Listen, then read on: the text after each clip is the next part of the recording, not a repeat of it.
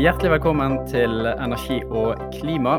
Dagens gjest er tidligere utviklingsminister, satt 16 år på Stortinget for eh, SV, er styremedlem i Novea og er nylig utnevnt som Chief Sustainability Officer i Multiconsult, der han allerede jobbet fra før. Og da har kanskje mange allerede gjettet at eh, dagens gjest er Heikki Holmås. Velkommen, Heikki. Tusen takk skal du ha. Du er her eh, i dag faktisk først og fremst ikke på bakgrunn av en av de mange titlene eller tidligere titlene du har hatt med, fordi du har skrevet bok. 'Kloden brenner', undertittelen 'Hva må gjøres'. Den kommer eh, denne uken på Respublika. Og tittelen i seg sjøl er jo ganske avslørende for innholdet, men jeg tenkte jeg skulle begynne aller først. Hvorfor har du skrevet denne boken? Jeg har skrevet en bok fordi at jeg synes at det mangler en kriseforståelse i den norske debatten som er helt nødvendig at vi har. Nemlig at vi må raskest mulig kutte utslippene til null for å klare å bremse temperaturstigningen på kloden. Og Det er en ting som jeg ikke skjønte for ti år siden, men som sakte, men sikkert har gått opp for meg, og som jeg tror det er helt nødvendig å få tydeligere frem. Vi må til null utslipp av CO2 og andre klimagasser. og Før vi får gjort det, så kommer temperaturen på kloden til å fortsette å stige. Du knytter jo det målet til, til, til et eh, bilde i boken, altså klimabadekaret, eh, der eh, utslippene etter hvert eh, fyller seg opp, og, og, der du medgir at du, du gradvis har forstått sjøl at du, du, kanskje har misforstått litt hvordan dette altså Så lenge man, man hvis man hadde klart nullutslipp i 2050, som, som er det, si, det gjengs politiske mål nå, så hadde alt vært i orden. Men at i realiteten så, eh, så er dette på en måte en kumulativ addering eh. Sånn at eh, jo mer som kommer ut, jo mer må da eventuelt fanges inn hvis man passerer, eh, passerer eh, f.eks. 1,5-gradersmålet, som man da har, har, ni år igjen på å, å klare med dagens tempo. Og noe av det som jeg beit meg merke i når jeg eh, leste boken, og som jeg syns du har rett i, det er jo dette behovet for Altså, man snakker ekstremt lite i norsk eh, offentlighet om eh, hva hvis man ikke når null til 2030, og ergo må begynne å hente ut CO2 fra, fra atmosfæren. Eh, hvorfor tror du det har vært eh, underkommunisert, for å bruke det uttrykket? Nei, jeg tror, det, jeg, jeg tror, det, er flere grunner til det som jeg trekker frem i boken. Da. Jeg tror at En av grunnene er at uh, forståelsen av at vi må til null, altså forståelsen av at alt vi slipper ut mer enn det som skal til for å drive temperaturen opp til 1,5 grader eller 2 grader, det må hentes ut av atmosfæren. Det er litt vanskelig å forestille seg. Vi har snakket voldsomt mye om eh, karbonfangst og -lagring, men da snakker vi jo om det å hindre CO2 i å slippes ut, først og fremst. Det å forestille seg at nei, vet hva, hvis vi har sluppet ut for mye, så må vi finne teknologier for å suge CO2 ut av atmosfæren. Det er liksom Ja, det er litt, det er litt, uh, det er litt mer luftig enn det folk kan forestille seg, uh, rett og slett. Uh, det tror jeg er en av grunnene. Men det andre er jo at veldig mange aktører har ikke hatt noe interesse å få frem det poenget at hvis det slippes ut for mye, så må vi faktisk suge ut CO2-en igjen fra atmosfæren.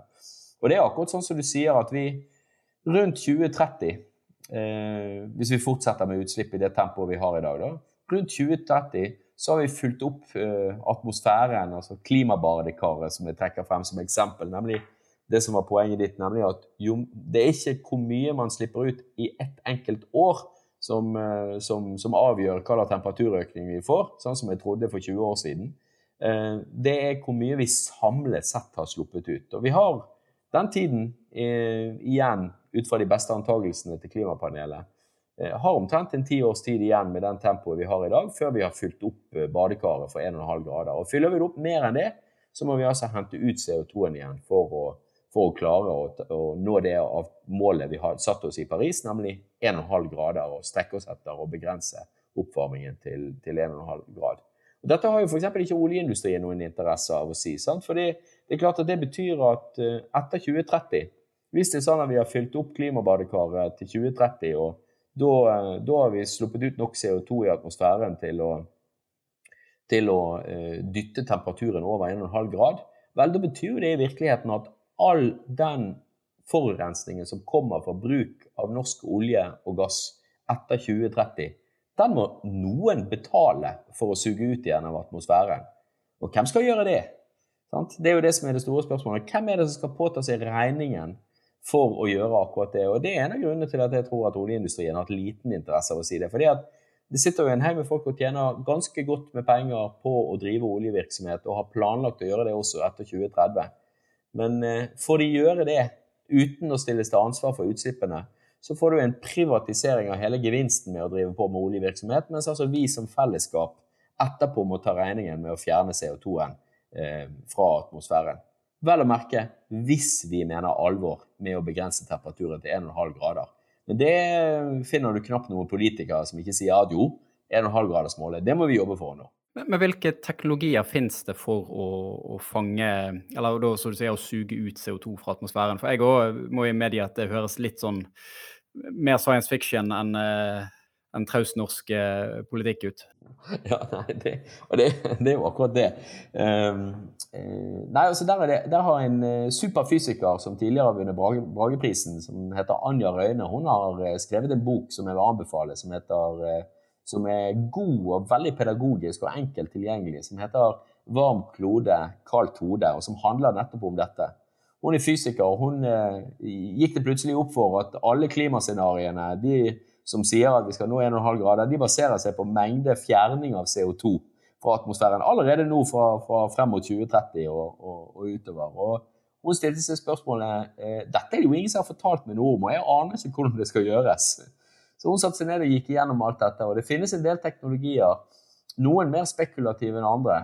Det ene, som det snakkes mest om, er jo det som kalles eh, eh altså, Som handler om å eh, få tak i skog.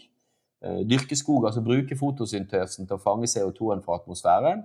Brenne denne skogen, lage energi og strøm og varme av det. Og så lagre, eh, bruke karbonfangst for å lagre dette her i, i jorden. Problemet med det er at uh, hvis du fortsetter å, å, ture på fremover som vi gjør i dag, så vil du trenge uh, tilsvarende områder som, uh, som en gang arealet i hele India for å dyrke nok ekalyptus eller andre hurtigvoksende planter for å klare å fange nok CO2. Så det er jo veldig spekulativt spekulativ hvis du skal gjøre, gjøre, det på den måten.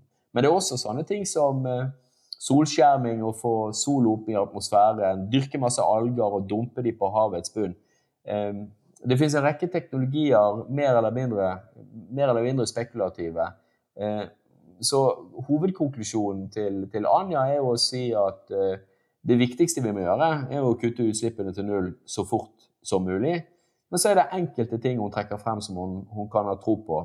En av de er jo å, å bruke da, fange de biogene eh, utslippene, altså CO2 som er fanget gjennom fotosyntesen av, av trær, og, og, og bruke det avfallsforbrenning, energigjenvinning for avfall, har jo gjerne halvparten av det som brennes eh, i, i Rådalen i Bergen eller på Klemetsrud, der det er planlagt karbonfangst og -lagring. Halvparten av de utslippene der er jo utslipp fra biologisk materiale og fra trevirke og, og, andre ting. Så der vil du jo rett og slett kunne suge ut CO2 fra atmosfæren og, og lagre. En annen teknologi som fungerer, er jo å fange CO2 direkte fra luften, eller såkalt direct air capture, eller eh, direktefangst fra luft. Som det er eh, maskiner som er oppe og, går både på det amerikanske kontinentet, men også på Island, som suger ut CO2 fra atmosfæren der. Men det er jo utrolig mye dyrere og mindre effektivt enn å stoppe utslippene i pipen der de slippes ut, og rense de der, eller å, å, å sørge for å la være å brenne karbon, altså kull, olje og gass i, i utgangspunktet. Når jeg leser boken, eh, Heikki, så føler jeg at jeg leser eh, en bok skrevet av en teknologioptimist. Og det, det er du jo vel ganske direkte på sjøl òg i, innledningen, at, at det, det, er man nesten når man uh, jobber i et selskap som, som, multikonsult og omgir seg med teknologer og, og løsninger til dagen. Men lurer litt på, altså, kan man Når tipper man over til å ha for mye tro på teknologi? For det er jo at, altså det er jo at i, i, boken så har du jo tatt et bevisst valg ved å se bort fra forbrukssamfunnet, som du si, er åpen på er en, en betydelig eh, utfordring. Um, men eh, kan man bruke teknologi for å komme seg ut av disse sporene, men er ikke utfordringen vel så mye altså den belastningen forbrukersamfunnet har på natur, biologisk mangfold, kloden som sådan, og at ja, det er mye bedre å bytte ut et fossilt med et fornybart forbruk, men hvis forbruket fremdeles er like stort, så er man kanskje bare halvveis til, til, til løsningen. Har du noen tanker rundt, rundt, rundt faren for å, å, bli overdreven teknologioptimist? Absolutt. Eh, og, og, hovedpoenget mitt med å gjøre den avgrensingen er jo rett og slett bare for å si at eh, det at du enten du får eller mot eh, økt forbruksvekst, så, eh, så, er det sånn at du kan ikke bruke det som, et, som, en unnskyldning for å la være å strekke deg i retning av klimamålene. Enten du, eh, enten du sier vi må, må, ned på forbruk og vi må ned på ha en mer sirkulær økonomi, eller du sier nei, nei, dette går helt fint, så har ikke du noen unnskyldning for å snike deg unna det faktum at teknologien vi har i dag, er tilstrekkelig til å fjerne CO2-utslippene som vi i dag slipper ut i Norge og, dette, og, og, i verden, og tilstrekkelig til å nå klimamålene. Dette sier også eh, DNV, altså gamle Veritas. DNV sier det veldig tydelig i sin uh, Energy Outlook for, uh, for 2020 at vi har i dag teknologien som trengs for å, løse, for å nå Paris-målene om å begrense oppvarmingen til 1,5 grad, men det mangler politisk vilje og politisk trøkk for å klare å få det til. Og Da syns jeg det er viktig poeng å si sånn Nei, vi skal ikke vente på den neste teknologien før vi får til dette her, eller vente på at vi får en nedgang i forbruket, eller vente på en helhetlig omlegging av samfunnet. Vi kan kutte de utslippene nå, og det er vi helt nødt for å gjøre. Men så er det åpenbart at energieffektivisering og det å gjøre, bruke ressursene på en mer produktiv måte, og det å klare å få til en sirkulær økonomi der vi ikke har et bruk-og-kast-samfunn, det er i seg sjøl veldig viktig for å kutte klimagassutslippene. Eh, men eh, teknologien finnes, eh, og ekte teknologioptimister de snakker ikke om den neste teknologien. De tar den teknologien som finnes, i bruk. For det er det som driver ned kostnadene og gjør at du får det til. Vi skal komme tilbake til politisk vilje når vi dykker litt ned i de ti grepene du foreslår for å få et fossilfritt Norge. Men et par, par momenter jeg har lyst til å, diskutere med deg før vi kommer så langt. Du intervjuer bl.a. Eh, Fafo-forsker Inger Marie Hagen i, i, boken, som er, er sitert på at um, foreløpig så har det vært sånn at det er arbeidsgiversiden som, som sitter med, med initiativet i, i, i, føringen i en, en grønn, grønn, omstilling. Og, um, du ønsker jo, som du skriver i boken, altså at fagbevegelsen og de ansatte tar en eh, både større plass, men òg kanskje eh, setter sitt eh, solidariske stempel på en grønn omstilling, for, for å bruke det uttrykket. Altså, på hvilken måte er det arbeidstakersiden har vært for passive til nå? Eventuelt hvordan bør man, bør man angripe den, den situasjonen på en, på en, annerledes måte? Altså, jeg syns arbeidstakerorganisasjonene og fagbevegelsen har vært ganske god til å si eh, etter hvert har vært ganske gode til å si hva slags ting vi må gjøre mer av når vi skal gjøre mindre av olje. Men de har vært ganske dårlige på å si hva det er vi må gjøre mindre av. Og det er jeg veldig tydelig på å si at vi må gjøre mindre av absolutt alt som forurenser. Vi må gjøre mindre eh, oljeutvinning eh, med forurensning. Vi må gjøre mindre industri med forurensning. Vi må gjøre mindre transport med forurensning. Og vi må la være eh, å Eh, sende olje ut av landet uten at vi samtidig tar ansvar for de utslippene som følger med dette. Så alle de tingene er det helt nødvendig at fagbevegelsen kommer på banen og sier fra om. Og grunnen til det er at jeg ikke Jeg, jeg tenker som så, det er det jo flere eh, andre som sier i boken også, altså bl.a. Fag, altså fagforeningslederen Jan Olav Andersen fra L og IT, som sier at um, vi, vi, styrer jo nå mot en knallhardt krasj hvis vi ikke klarer å komme i gang med omstillingen innenfor oljen og innenfor forurensende industri. Og det er, jo, det er jo et varslet krasj, det er jo en varslet krise. For den dagen, den dagen eh, verden strammer til og begynner med effektiv klimapolitikk, så vil det komme en smell i oljeindustrien og i andre industrisektorer som vi ikke har sett eh, maken til. Og da bør vi ha startet oppstillingen, og det mener både jeg og mange andre i fagbevegelsen at den, det å lede an i den omstillingen bør, fagbeveg bør, fagbevegelsen gjøre. Rett og slett fordi at de har interesse av at jobbene finnes der også om 20 år. Du har et ganske godt eksempel på det fra han tillitsvalgte og han eh, lokale eh, lokale verftsdirektøren nede i Taisir i Tyssedal, som sier det når jeg kom på besøk der i 2016. sier det veldig tydelig. De sier vi har tenkt å være her om 20 år, men da skjønner vi at vi må nødt for å være nullutslipp. For det er det som kommer til å bli forventet i fremtiden. Og det å lede an i den omstillingen, vekk fra det vi skal gjøre mindre av, er utrolig viktig at fagbevegelsen gjør nå, og ikke utsetter. Du skriver jo at uh, altså du, du, har jo din erfaring i, i, mente når du skriver på, med, med 16 år på, på Stortinget og, og, eh, ministerpost. Jeg la merke til at uh, før, vi, før, vi, begynner å, å, bevege oss inn mot de, de, ti nye grepene, så så jeg at du, du skriver at det er nyttig erfaring å ha vært med å støtte virkemidler som, som har feilet eller hadde uforutsette konsekvenser. og eh, Nå trenger vi på en måte ikke dra fram hele tabbelisten, men det jeg lurer på, altså Er det mulig å identifisere noen fellestrekk blant, blant de tiltakene og prosessene du sikter til der, som, eh, som, kan være nyttig å ha i mente når man beveger seg inn i et nytt tiår? Ja, altså jeg har eh, eh, Ja, jeg tror at det som er den viktigste fellesnevneren, eh, det er at du må være villig til å korrigere kursen når du ser at det bærer feil av sted. Og at selv om noe av det du ønsker å oppnå, får du til, så kan det ha utilsiktede konsekvenser. Altså en, eh, noen ganger er det jo rene flopper, som f.eks. når vi fikk gjennomslag for at vi skulle ha E85, altså innblandet sånn eh, bio, bioetanol. Høyinnblandet bioetanol, så Volvo pushet voldsomt, for det var det de gjorde i, i, i Sverige. Det ble jo ikke tatt i bruk etter hvert i Norge. Altså I Norge ble vi elbiler, og så fikk vi lavinnblanding av biodrivstoff istedenfor. Men du har en avgiftsomlegging der. Eh, jeg var med på å drive gjennom en avgiftsomlegging som var applaudert av hele bilbransjen, fra høyre til venstre i, i politikken, om at man skulle legge mer vekt på utslipp og mindre vekt på det som het slagvolum i engangsavgiften. Men konsekvensen av det ble altså at dieselsalget, som hadde steget til værs mange år før, virkelig skjøt fart opp til det til slutt var 85% av alle bil, personbiler som ble solgt, var dieselbiler med de konsekvenser det hadde for lokale, lokal forurensning og utslipp.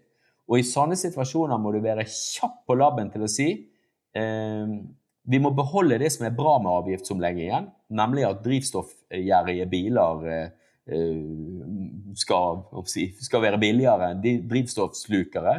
Men du er nødt for å gjøre noe og ta hensyn til at dette også har konsekvenser for lokale utslipp, og så må du stramme det inn på den andre, andre måten.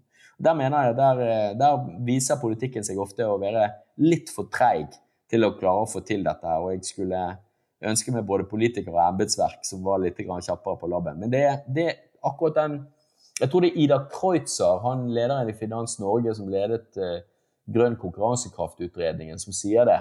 Hvis du er 80% sikker på at du har rett, eh, da må du gjøre det. For vi har ikke tid til å vente på at vi er 100% på, på, på, at det vi gjør, er riktig. Men når du da ser at du kommer litt grann, eh, når du, du, Stort sett riktig av sted, men litt grann ut av kurs, da må du justere kursen igjen for å sørge for å, å, å ta vare på det gode og få til det du vil. Den manglende kursendringen, også, er det et spørsmål om sendrektighet i behandling, eller er det personlig prestisje og, og, og, det å, å våge å, å innrømme feil? Nei, oppsiktsvekkende sjelden det siste, faktisk. Oppsiktsvekkende ofte så handler det om uh, ja, noen ganger angst for å, å, uh, angst for å gjøre feil, og noen ganger uh, handler det om at politiske prosesser er bare trege. Og de tingene, og særlig når ting koster penger eller har budsjettkonsekvenser, og det har nesten alt her i Norge, så må de inn i en budsjettprosess. Og den tar fort et års tid. Du har foreslått eh, ti grep for et fossilfritt eh, Norge, altså nullutslipp eh, i 2030. Og det, mm, si det, eh, det, politisk vedtatte målet nå er til sammenligning 50 og opp mot 55 har, har regjeringen meldt inn til, eh, til, eh, til, FN i forkant av Glasgow-toppmøtet. Så det er jo på en måte Inklusiv kvotekjøp. Inklusiv kvotekjøp. Inklusiv kvotekjøp. Um, så det er jo på en måte en det, det, det sier jo litt om, om eh, av, avstanden mellom dagens politikk og, og det målet du eh, eh, og, og, for så vidt andre med deg òg mener er det, det viktige. Altså, vi skal ikke gå i like mye detalj på, på alle disse grepene, men du kan jo kanskje si litt innledningsvis altså, hvordan har du måtte, jobbet for å komme fram til akkurat disse grepene? Så sånn, kort oppsummert handler om å, å sette strengere mål og, og krav og, og en, en si, blanding av forbud og, og påbud i, innenfor en rekke sektorer. Kan ikke bare fort kort begynne med å si hvorfor jeg mener vi må til null i 2030. Den ene grunnen til det er fordi at vi i Norge var med på å kjempe inn både målet om å begrense oppvarmingen til 1,5 grader, og eh, det at alle land skal legge til grunn sine høyeste mulige ambisjoner. Og Jeg tror ikke det finnes noen politikere eller andre samfunnsengasjerte i Norge som mener at det vi gjør i Norge, det kunne ikke vært gjort mer ambisiøst. Eh, jeg tror de aller fleste vil være enige om at vi som et av verdens rikeste land, hvis verden skal kutte sånn som klimapanelet sier, 50% av utslippene frem mot 2030, de fattigste landene skal få lov å øke sine utslipp, så er det åpenbart at Norge som et av verdens rikeste land er nødt for å gjøre mye, mye mer enn det gjennomsnittet av, av verdens land skal gjøre. Og Det er derfor jeg mener at vi bør strekke oss mot null. Og så får vi eh, gjøre vårt beste og se hvor langt vi kommer. Men jeg tror vi kan komme ganske nærmt. Og de målene som, eh, eller de ti grepene de kan du gruppere i, eh, i, i tre. Det ene handler om at vi må ha en overordnet plan. Og Det er det første grepet mitt. Vi må ha en overordnet energi- og klimaplan. Og vi ser hvor sårbare og hvor fragmenterte debattene rundt klima- og energipolitikk blir når vi ikke har det. Er vi for eller mot vindkraft? Er vi for eller mot elektrifisering av sokkelen? Er, vi, eh, er, det, er det, dumt? Er det, trenger vi mer fornybar kraft, eller har vi et kraftoverskudd i Norge akkurat nå? Eh, alle disse tingene de glipper fordi vi ikke har, gjør det som alle våre andre naboland har, og som EU pålegger alle land å ha, nemlig en helhetlig klima- og energiplan. Da kunne vi satt oss ned og skulle vi sagt greit, industrien sier de var 65 TWh ekstra. Greit. Klarer vi å få frem det? Hvordan klarer vi å få det til på en effektiv måte? Hvor mye kan vi ta gjennom energieffektivisering? Hvor mye kan vi ta gjennom ny fornybar energi? Og skal vi satse på havvind, eller skal vi satse på landvind, eller skal vi satse på sol på tak? Eller skal vi satse på andre, andre energiformer som, som, vi kanskje ikke har, eh, har eh, som vi ikke har på en måte tenkt på eh, akkurat nå. Um, så det er på en måte den ene biten. Og da, og da vil du slå sammen eh, Klima- og miljødepartementet og Energidepartementet altså i ett samlet Ja, jeg opplever det som et stort problem, og det blir veldig tydelig i år. Sant? Vi har en klimamelding som legges frem, og som i liten grad sier hvor mye kraft trenger vi ekstra. Særlig hvor mye trenger vi ekstra for å elektrifisere hele industrien i Norge, og, eh, og alt det som skal gjøres på, på, på plattformer til, til, havs. Eh, alle de tingene der er ikke berørt i noe særlig grad, for det er ikke Miljødepartementet eller Klima- og miljødepartementet sitt gebet. Og Så kommer det senere en stortingsmelding nå eh, etter påske etter alle solemerker, som, eh, fra energiministeren som, eh, som, skal fortelle om fremtiden for energinæringene i, i Norge. Men det er ikke en klimamelding. Og nettopp det å si at det å gjøre den jobben med å se disse to tingene i sammenheng, det tror jeg vi best klarer hvis du samler klima, naturvern og, og, og energipolitikken i ett departement under én minister. For Da har vi muligheten til å få en skikkelig samordning og gjort en avveining av hva det er ting som må gjøres. Så det er den ene gruppen med forslag. Det er rett og slett Vi trenger en plan. Vi trenger en plan for hvordan vi skal få til dette. Det andre er det jeg kan kalle 'alle må bidra så mye de kan'. Og det handler, om, og eh, det handler om at alle kommuner og fylkeskommuner må få en plan, må legge frem planer for hvordan de skal kutte til null i 2030. Eh, vi ser fra Oslo hvor positivt det er, og hvordan de klarer å få med seg næringslivet i byen på å diskutere hvordan får vi til gode klimaløsninger. Dette må alle kommuner og fylker gjøre. Det andre er hele næringslivet, der alle i næringslivet må pålegges å rapportere på klimautslipp, eh, sånn som de nå pålegger i, i Storbritannia, alle bedrifter å gjøre i årene som kommer. Det må vi gjøre også i Norge, og i tillegg må vi si at de skal planlegge for nullutslipp i 2030. Da blir det tydelig for alle bedrifter hvor mye som trengs, og hva som trengs gjøres. Og det er oppsiktsvekkende hvor godt det funker. Eh, når man først vet hva det er som må til, så er det også mye lettere å gjøre det i, eh, i praksis. Um, og det tredje er at det offentlige, altså stat og kommuner, må bruke alle sin innkjøpsmakt til å etterspørre nullutslippsløsninger. Vi har en haug med bedrifter nå som uh, leverer gode klima, klimating. Du har Selsa oppe i, i, i Mo som produserer armeringsjern basert på resirkulert jern. Men de må konkurrere de, på, på, like vilkår og får ikke noe bonus i de fleste eh, anbud, selv om de slipper ut mye, mye mindre CO2 ved produksjonen sin enn det du gjør ved, ved armeringsjern produsert fra kullbaserte fabrikker i Kina.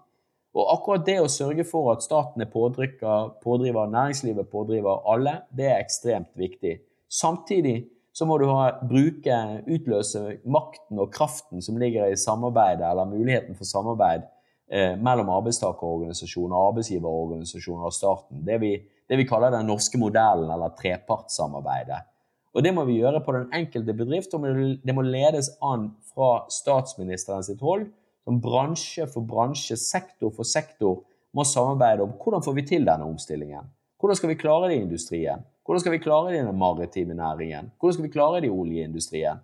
Hva slags grep er det som er nødvendig? Hva må gjøres av etterutdanning, omstilling?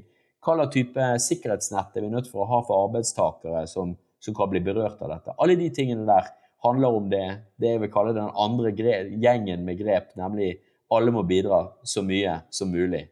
Og så er det det tredje, og det er jo de konkrete politikkgrepene som vi foreslår. Eh, og som jo stort sett handler om å, om å si vi må bruke avgifter og regulering eh, til null i 2030 og kjempehøye CO2-avgifter. Eh, I olje på offshorenæringssiden så snakker jeg om 5000-6000 kroner som, som, er det som, som må til.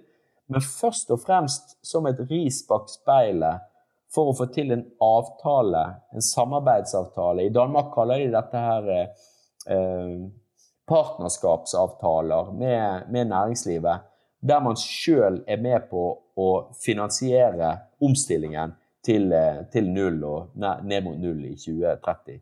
Og dette vet vi at virker. For vi har De beste eksempelet vårt eh, er NOx-fondet når eh, staten skulle kutte utslippene av, av forurensning, altså det som er NOx, som skaper altså fjorddød når cruiseskipene kommer forbi, og, og, som skaper eh, luftproblemer i Bergen når det er, er dårlig vær, nei, når du har, når du har høy forurensning og, og lokket ligger over byen. Altså den NOx-en, Når vi skulle fjerne den, så, sa, så så innførte vi først en, innførte Stortinget en, en avgift. og Deretter så sa næringen Eh, kan ikke vi få lov å finansiere dette sjøl? Kan ikke vi inngå en avtale med staten der vi blir enige om at vi gjør det vi kan for å få til å nå de målene som staten stiller, men vi er med på å finansiere dette sjøl, og så beholder vi sjøl de pengene istedenfor å betale det inn som en avgift til staten. Og Det har vært en stor suksess. Næringslivet har sterkt eierskap til, eh, til, eh, til dette. Og hvis du hører på hva næringslivet sier i Norge i klimadebatten i dag, både oljeindustrien sier kan ikke vi slippe å betale denne CO2-avgiften dere foreslår nå? Kan ikke vi få lov å gjennomføre de kuttene sjøl og bruke disse pengene på å investere sjøl? Og det syns jeg de bør få gjøre. Og på samme måte, når industrien legger frem sin plan for veikart mot null, så sier de kan ikke vi inngå en avtale med staten der vi blir enige om hvordan vi gjør dette, sånn at vi har forutsigbarhet, trygge rammevilkår, for det trenger vi hvis vi skal klare å få til denne omstillingen som er helt nødvendig. Så det er vel de tre rundene med grep. Én plan, én en, eh, gruppe med at alle må gjøre alt det de kan, og en gruppe som er de konkrete målene for hvordan vi skal få vekk eh, CO2-utslippene fra absolutt alle sektorer i Norge. Du nevnte det jo litt eh, tidligere i samtalen, Heikki, at, at uh, de, de, fleste politikkendringer har budsjettkonsekvenser. det, det, som slår meg, er at en del av disse tiltakene, i hvert fall i en start, startfase, vil jo medføre Eh, økte kostnader og muligens også reduserte inntekter, hvis du ser på, på, på, på, noen av de største sektorene. Altså, er det sånn at alle tiltak lar seg regne hjem i klimaets tjeneste? Ja, fordi vi må til null utslipp for å stoppe fortsatt temperaturstigning. Eh, og Det betyr rett og slett at alle utslippene må vekk. Og Hvis alle utslippene må vekk, så det å sitte og finregne på om du gjør de billigste utslippene først eller de dyreste utslippene først, det blir ikke så viktig lenger. For alle utslippene må vekk for at vi skal stoppe temperaturstigningen. Dette er i hovedsak forslag for, eh, eller i sin helhet forslag for, for, norsk politikk. og eh, Jeg personlig jeg har veldig lite sansen for sånn Norge er et lite land i verden, så det betyr ikke så mye hva vi gjør, eh, argumentasjon. Men det slår meg jo at et, et, et tilnærmet nullmål i, i, 2030 går jo mye lenger enn en det meste av annen vedtatt politikk i, i, i, verden i dag. I hvert fall blant de, de store handelspartnerne som, som Norge uh, samhandler med. Og Ofte så er det jo dessverre sånn at såkalte first movers ender opp med, med å få en på, på trynet. Altså, hva, hva, tanker har du rundt en så radikal omstilling hvis man ender opp med å bli, si, bli alene med den og, og har, har økte i hvert fall i en innledningsfase økte kostnader knyttet til å ta i bruk ny teknologi etc. etc. Mm. Men husk vi er alene om å være så langt fremskredet på elbilpolitikk som det vi er i Norge i dag. Men vi regner jo det uansett i dag som en suksess, og vi eksporterer altså politikken, virkemidlene, grepene vi har tatt, til andre land for at de skal gjøre det samme. Tilsvarende med elferger. Vi var tidlig ute. Vi var først i verden med å drive frem eh, den elfergesatsingen som vi er nå. Um, rederne sitter bare og venter på at staten skal være tydeligere på å si at vi skal ha nullutslippskrav til det. For Det vil gi dem en fordel, for da vil de være de første som har de mest miljøvennlige fartøyene i verden, som går på, eh, på fornybarbasert ammoniakk og, eh, og, bruker hydrogen inn på en, annen, på en, annen, måte. Alle vet at det kommer til å bli etterspurt mer eh, rene produkter eh, innenfor alle områder som vi her snakker om. Eh, og jeg tenker at uh, som, som, stat som har uh, tjent oss rike på nettopp å drive frem klimaendringene og den klimakrisen som vi står oppe i nå, uh, så skylder vi verden å være med på å gjøre den omstillingen også, på, også til nullutslipp. I tillegg så vil jeg si det er det smarte for, for Norge. Dette kommer jo frem veldig tydelig i Klimarisikoutvalget, som var regjeringens utvalg som så på dette, og som jo nettopp påpeker hvor utrolig stor risikoen er for Norge som oljeøkonomi å bli rammet hardt dersom vi ikke klarer å være tidlig ute og komme i gang med denne omstillingen. Altså disse ti forslagene er jo både hver for seg og, samlet ganske radikale. Hvordan tror du dette blir mottatt, og hva, hva, skal til for at dette prosjektet er vellykket i dine øyne? Altså, da tenker jeg på bokutgivelsen og den eh, debatten den eh, eventuelt skaper. Mm. Jeg kan ikke begynne med å si at Eh, når, jeg har jo to forord i boken. og Det er jo skrevet av eh, fagforeningskjemper. altså Det ene er Mette Nord, som leder det største forbundet, altså Fagforbundet i, eh, i LO i dag. Og så er det Leif Sande, som, som, er tidligere leder for olje- og industriarbeiderne. Begge de to sier dette er en viktig bok, og at virkemidlene som kommer, nemlig det der med å se på hvordan kan staten stille krav som driver frem omstilling, eh, være veldig viktige grep for å få, ja, for å få til en, en, omstilling som er bra for arbeidsfolk i, i Norge. Da. Så jeg tenker at eh, mottagelsen Jeg syns at det ligger en, en positiv mottagelse fra viktige fagforbund allerede i dag, når jeg utgir eh, i boken.